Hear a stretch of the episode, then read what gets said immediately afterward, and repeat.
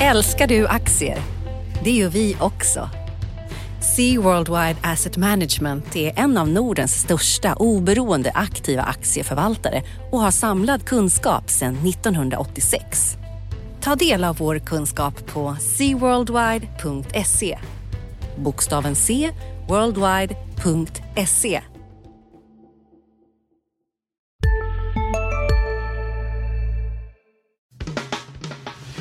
Analyspodden från Dagens Industri. Eh, hej och välkomna till Analyspodden med Dagens Industri. Det är fredag den 13 mars och jag som pratar heter Felicia Åkerman och med mig på telefon så är Rickard Bråse som sitter nere i Göteborg. Hej Rickard! Hej, hur har du det? Jo då, ganska bra. Det är en väldigt tom redaktion här uppe eh, just nu för de flesta jobbar hemifrån. Men det ger ju arbetsro i alla fall. Hur är det med dig nere i Göteborg? Ja. Ja, jag har ju förberett mig för isolering under en lång tid. Jag sitter ju alltid själv så att eh, för mig är allting mer eller mindre som vanligt kan man väl säga. Hur, så, Ja. hur brukar, för, för att det är ett kontorslandskap i vanliga fall som är fullt av eh, liv och rörelse. Sitter du när du jobbar med, liksom, med musik eller sitter du med hörselkåpor eller är du i det fria i ett ständigt brus av skop och andra avslöjanden eller hur, hur föredrar du att göra i, i normala fall? Det beror lite på. Fram tills för inte så himla länge sedan så satt ju jag verkligen mitt i smeten i vår live-redaktion som numera heter Marknadsnytt. Väl? Eh, och då var det ju verkligen skrik och stim och aldrig någonsin tyst. På analys så kan man ju konstatera att det är lite lugnare tempo. Men man får dra fram hörselkåporna ibland. Bland annat när eh, Uffe Pettersson kommer upp. så han, han gillar att prata, vilket är väldigt trevligt. Men ibland får man dra fram en hörselkåpa. Då. Ja, ja. ja då blir det lite omställning kanske när, när det blir eh, tomt på redaktionen. Ja, det är väldigt annan stämning. Det, det kan man ju lugnt påstå. Det är be- betydligt lugnare än det ens brukar vara på somrarna när det kan vara riktigt tyst. Sådär när de flesta är lediga. Men eh, börsen är uppe idag i alla fall. Börsen är uppe idag och det, ju, det får vi kalla att det är för omväxlings skull nu för nu har vi haft de här Jag tror gårdagen är någon en, är, är, kom ju, alltså torsdagen när vi hade ett fall på, på börsen på över 10 Det är ju någonting som man nog sent kommer att glömma eller och frågan är om vi om det där var den dagen som den här generationen fick uppleva av, av liksom eh, bara matande sälj genom hela dagen där det inte var någon som, som gick säker utan eh, mer eller mindre alla aktier som gick att sälja de såldes. Och det, och det är liksom du tappar helt eh, kopplingen mellan vad som borde säljas av fundamentala orsaker och vad- som faktiskt säljs. En, man kan konstatera att en, en förlorare var ju Telia då bland annat under, under gårdagen. Det är en aktie som, eller ett bolag som ju borde påverkas betydligt mindre än de allra flesta eh, med tanke på verksamhetens natur. Och, ehm, och ändå handlades den ner och var nere på nivåer som inte har varit under sen, sen liksom finanskrisens djup. Och då får man fråga sig om de eh, är det de som ska liksom vara, stå lägst eh, i det här läget? Ja, det är, skulle jag säga att det är lite ganska tveksamt. Va? Så att det var en märklig dag. Nu, nu får vi någon form av rekyl. Den har ju suttit hårt inne. Vi poddade för två veckor sedan och då tror jag vi hade också så här att ganska, ganska dyster syn på, på, på eh, lite längre sikt men att det ändå kändes som att det borde studsa till och det har det ju i princip inte gjort förrän idag. Eh, och nu är vi upp drygt 3 procent. Ja, nej, det var en helt annan stämning där för, för två veckor sedan. Det får man ju säga. Men, men ja, alltså det här riktigt spektakulära som vi såg igår. Har vi nått den där liksom panikfasen som måste komma innan man kan få lite fastare mark under fötterna? För vi har ju också sett i veckan, börsen har ju gjort lite försök några dagar att, att ändå hämta tillbaka och så har det vänt ner igen. Liksom. Så man, man tittar på de här just nu, vad är det, 2-9 procenten ungefär och undrar om det kan stå sig över dagen eller om vi får liksom en till minusdag. Eller så. Men jag tänker att om man har haft en sån jättereaktion ner och, och, och det här som du beskriver att liksom allt bara säljs. Kan, kan man känna då att okej, men nu har, det, nu har det blåst ut? När det kommer den där meganedgångsdagen då är det ju någon form av allmänt panikläge. Och, men, men sen är det som du säger också att vi har tidigare haft många dagar där du öppnar ganska högt. Börsen går starkt på förmiddagen och sen så bara den trendar neråt och stänger liksom på dagslägsta. Och det är ju super, super negativ. Det förknippar jag liksom med någon form av negativ marknad, marknadsutveckling. Eh, det är precis tvärt hur det brukar. Eh, normal, normalt så brukar det liksom öppna så går det upp under dagen och så är alla nöjda när det stänger. Här blir du ju liksom bortgjord om du ska sitta och liksom hetsköpa in i en uppgång och sen så bara den går upp i rök under dagen. Men nu känns det ändå som att det är, du har fått den panikdagen. Eh, där, där du bara har slagit blint och eh, börsen har ju tappat ganska, ganska ordentligt nu. Sen får man ju se, det är fortfarande väldigt, väldigt oklart liksom vilka, vilka konsekvenser Corona kommer få. Om det är det som får en redan skral konjunktur att tippa över och så vidare. Det, det är extremt svårt att säga om. Men nu tror jag liksom att för... Jag är mer positiv för kommande veckor än negativ i alla fall.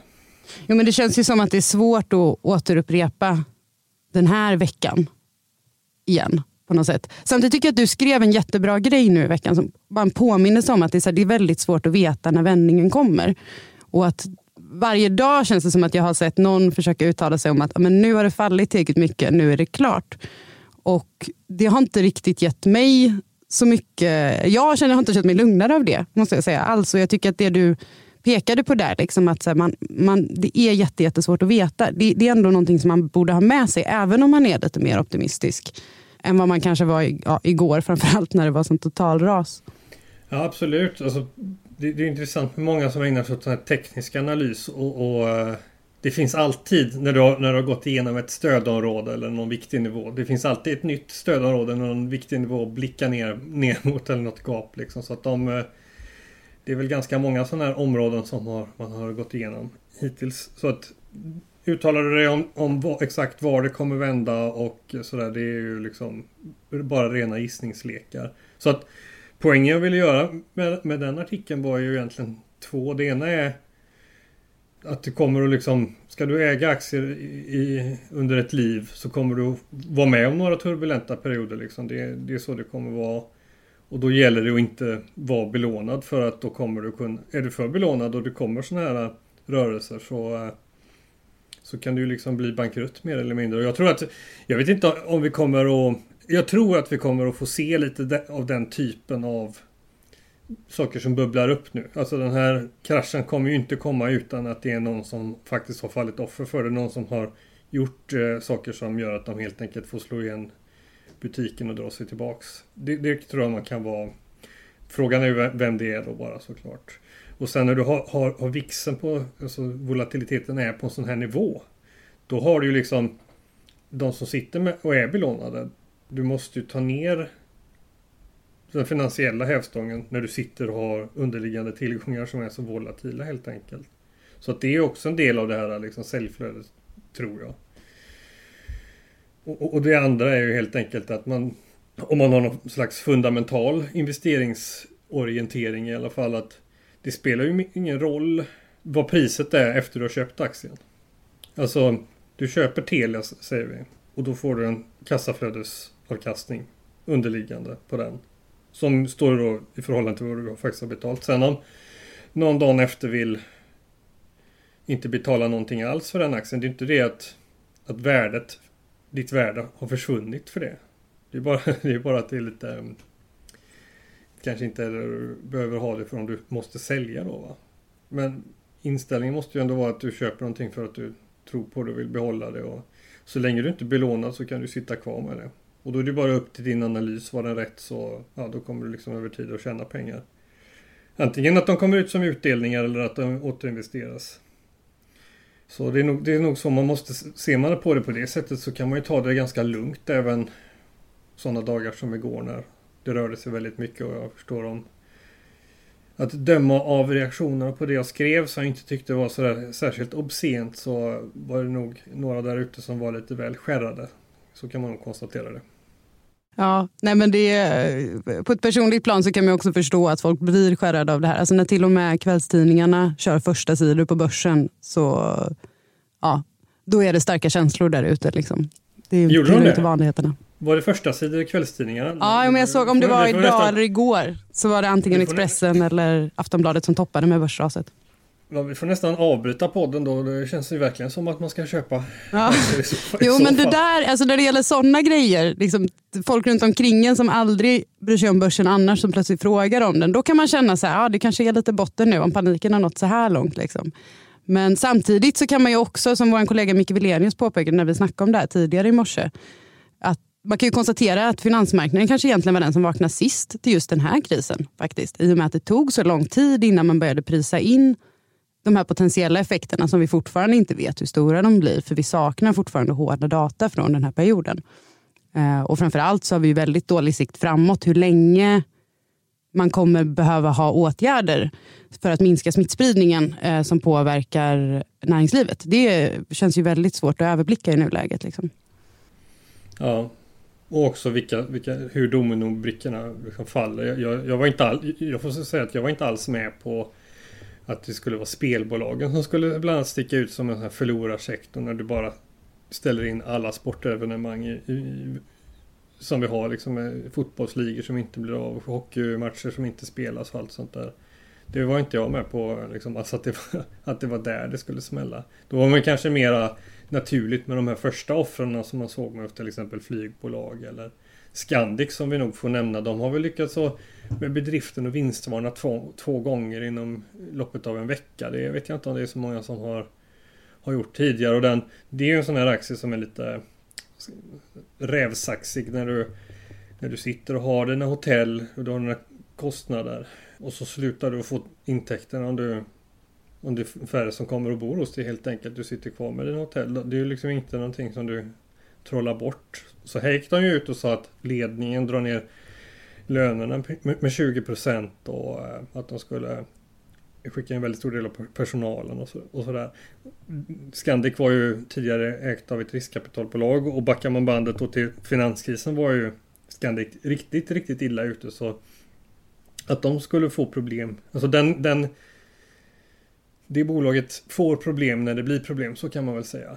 Eh, det var ju mer naturligt. Eh, det var ju mer, mer konstigt att du såg liksom stora insiderköp från vdn och sådär och den första vinstvarningen som var lite, ska man kalla det för att var, var, var det ens en vinstvarning? Den andra var ju mer att, att liksom Mars har packat ihop för dem. Och det är nog så du får se det. Det kommer en del siffror nu som är januari, februari siffror. Alltså om vi tittar industribolag och så också som har gått ut.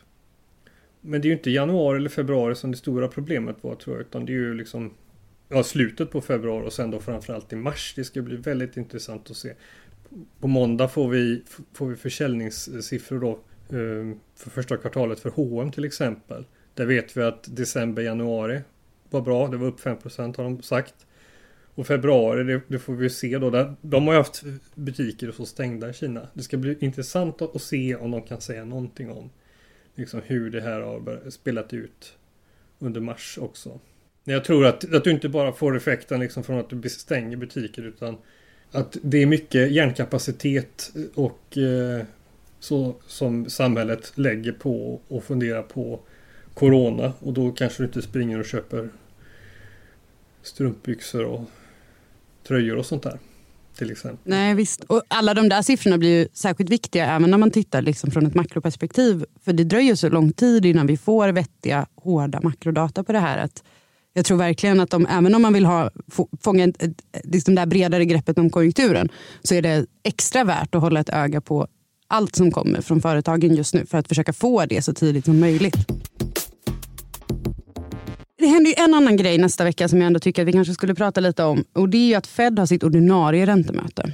Eh, de kom ju med den här extra sänkningen eh, och det är fler som har gjort det. Norges Bank kom också i morse och sänkte och Bank of England har gjort det och sådär. Eh, och jag var väl kanske... Har du också valt att bli egen?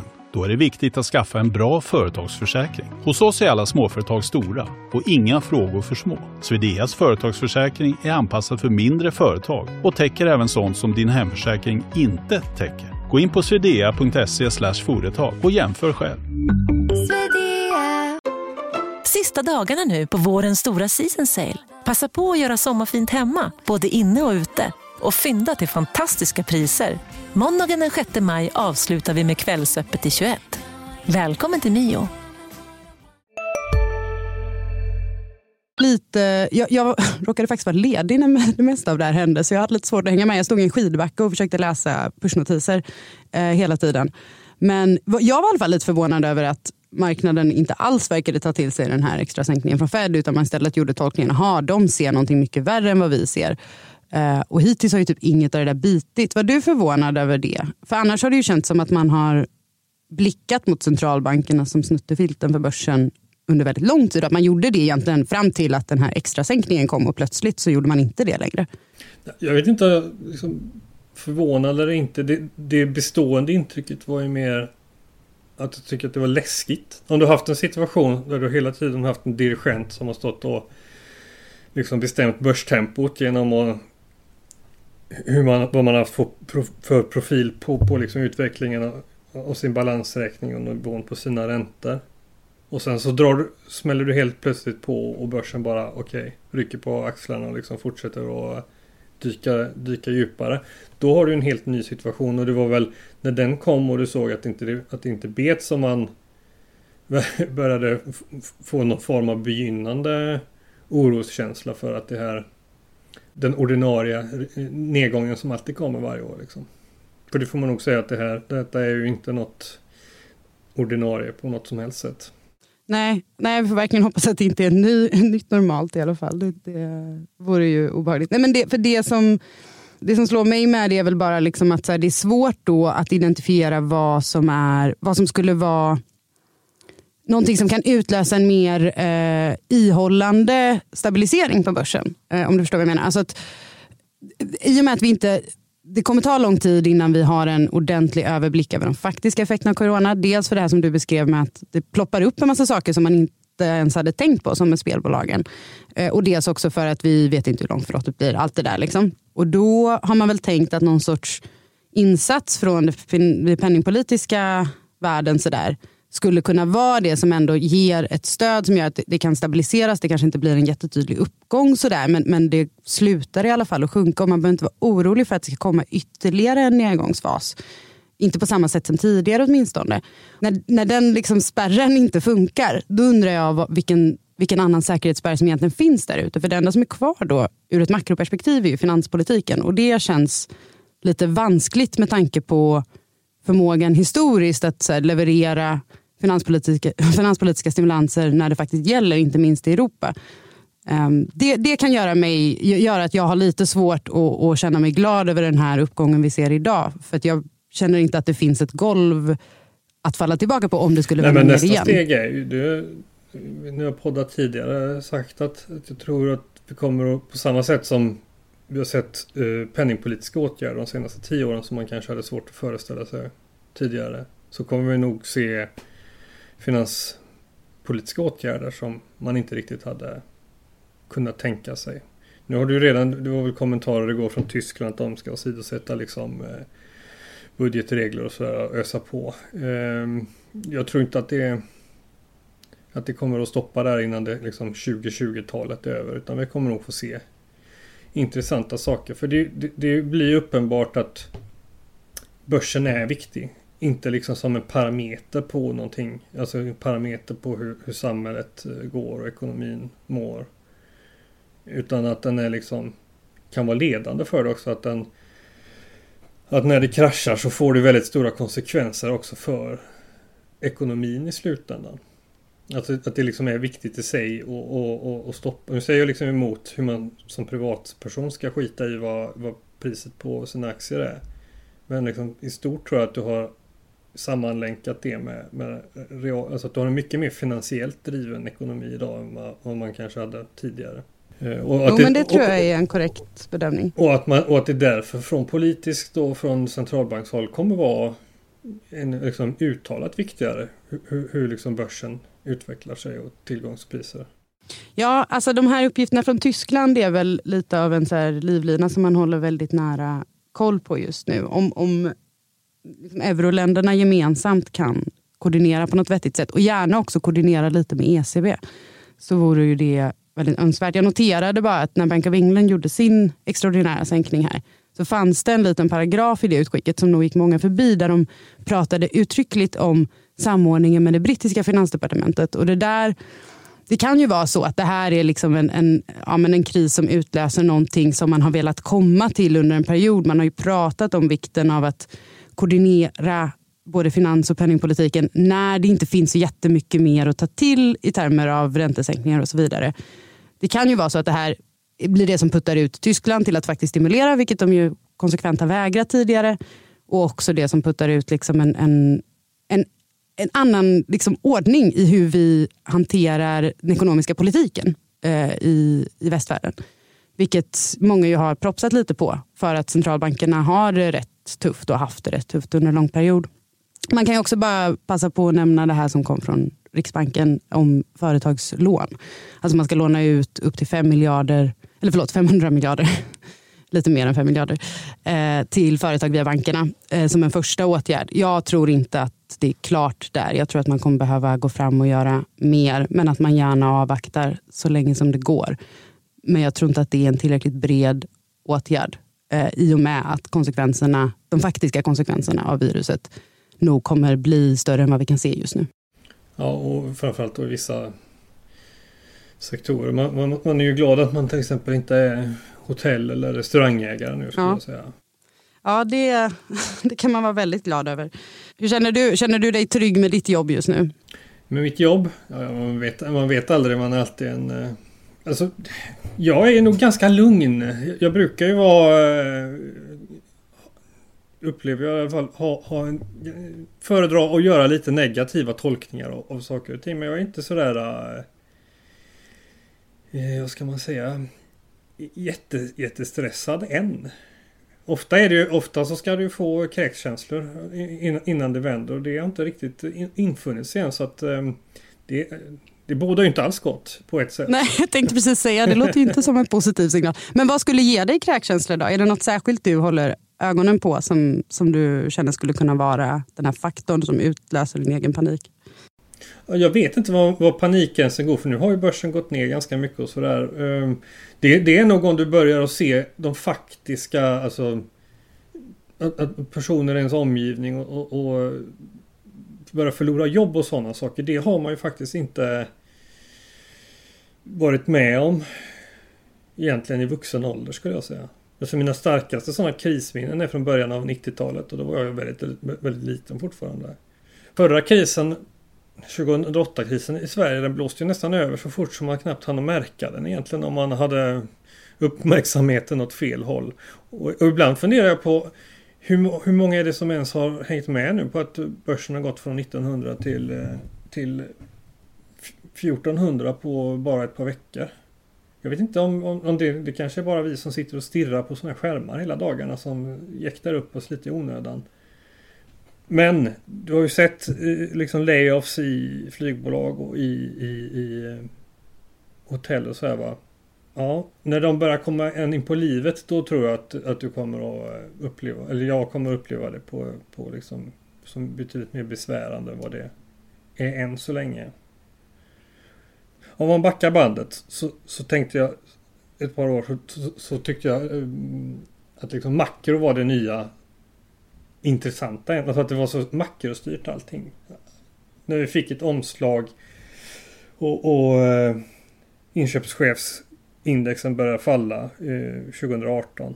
Men sen gick börsen rakt upp. Detta har vi pratat om tidigare. Att, mm. att, det, att det liksom bara var frikopplat på ett väldigt mystiskt sätt och, och, att man tänkte att det liksom kommer komma en korrektion och det kommer komma ner till liksom någon mer no normal nivå på, i förhållande till hur, hur saker och ting ser ut. Så nu vet jag inte vad... Ehm, man får ju hoppas att, att det helt enkelt inte ytterligare försvagar en redan stapplande ekonomisk utveckling. Och jag tror att det är mycket företag som kommer att se ganska stora nedrevideringar på på vinstestimat och sådär. Så om du sitter och liksom ska screena fram vilka aktier man ska köpa nu på P12 så kommer man nog hamna ganska vilse ganska fort tror jag. Ja, det där är också något som jag funderar på hur, hur tålamodet med den typen av nedskrivningar och vinstvarningar och så kommer se ut framöver. För det känns ju väldigt... Det känns ju inte som att man överdriver när man säger att det kommer komma en del sånt framöver. Och det är väl också en sån grej som får mig att fundera på hur, eh, hur stabilt börsen kan gå är, det så, är det så att den här liksom underliggande känslan av vi vet inte hur det här slår, att den ligger kvar tillräckligt starkt för att sådana saker ska kunna utlösa lite panik igen eller inte. Det, det känns svårt att svara på. Ja, men, nu, men, men, men, men om alla sitter och väntar tills det kommer en hagelskur av vinstvarningar. Och den kommer ju liksom att komma. Men det är inte säkert att börsen kommer att gå ner så jättemycket för att alla vet ju redan att den ska komma. Och då är det ju inte, då har du liksom det överraskningsmomentet eller den här övergången du får total lättjefull girighet till skräck som, som gör att det rör sig så mycket som det gjorde, gjorde nu. Ja, alltså på vissa sätt så känns det ju snarare som, eller vi har ju pratat om det förut, att det kändes som att det tappade lite kopplingen till verkligheten och nu har det ju med buller och bång kanske återfått lite den kopplingen igen och det, det känns ju positivt. Mm. Um, jag sitter väl och, eh, som, som en person som var eh, ung och kom ut på arbetsmarknaden i samband med finanskrisen så är jag ju mest rädd för finanskriser och inte så mycket för några andra kriser. Um, och, och, då kan man ju, alltså, så här, jag kan inte riktigt släppa det här med att man inte de här små känningarna som man har kring ja, men hur, hur, eh, hur är det egentligen ställt med så high yield-obligationerna i USA. Eh, vilka effekter finns där egentligen som kan blottas nu när man efter år av billiga pengar liksom plötsligt hamnar i en annan situation. Den kan inte jag riktigt släppa. Samtidigt så kan man ju inte annat än konstatera att det här är liksom inte 2008 på det sättet. Det, det är det ju verkligen inte. Nej, nej absolut inte. Men, men det, det blev ju väldigt intressant när du fick oljepriskomponenten och, och eftersom utlåningen till, till oljesektorn är så stor inom high yield så blev det helt plötsligt ett, ett liksom fokus på den här liksom kreditkvalitet och bankerna har ju fallit ganska ordentligt runt omkring. Och, du, och, då, och då är du tillbaka till sån här liksom att man dammar av den här krishärden Deutsche Bank igen som liksom den skulle ju kunna vara liksom ett nytt Lehman Brothers. Eh, får man gissa. ja, där är vi inte än. Eh, men det är liksom ett olöst problem, så kan man ju se det. Jag hade faktiskt till och med glömt att oljeprisfallet, det stora oljeprisfallet, det var ju den här veckan. Det känns så länge sedan redan. Ja, det känns som man har tittat för mycket på skärmar. Och... Ja. I måndags så trodde jag det var fredags, liksom när dagen var slut. Och sen ja. har det bara fortsatt på samma tema. Ja, men jag känner igen den känslan. Men vi kanske ska gå tillbaka till att titta på våra skärmar lite mer ändå. Eh, vi har hunnit prata en ganska lång stund här. Det gör vi. Så, så kan vi ta eh, hälsa alla en trevlig helg och så vidare. Det känns som att den eh, kommer lämpligt nu. Ja, det är, nog, det är skönt med lite andrum och eh, lite stängda börser några dagar så man liksom kan få samla tankarna lite efter en så här dramatisk vecka.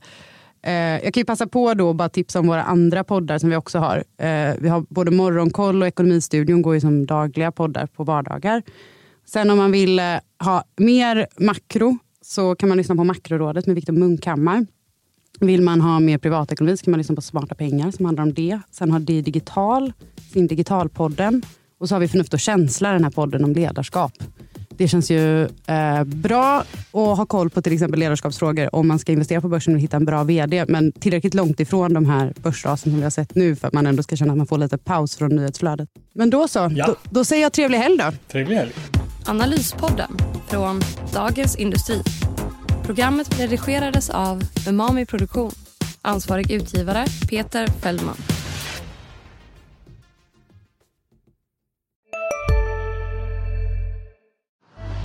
Älskar du aktier? Det gör vi också. Sea Worldwide Asset Management är en av Nordens största oberoende aktiva aktieförvaltare och har samlad kunskap sedan 1986. Ta del av vår kunskap på seaworldwide.se. Bokstaven C, worldwide.se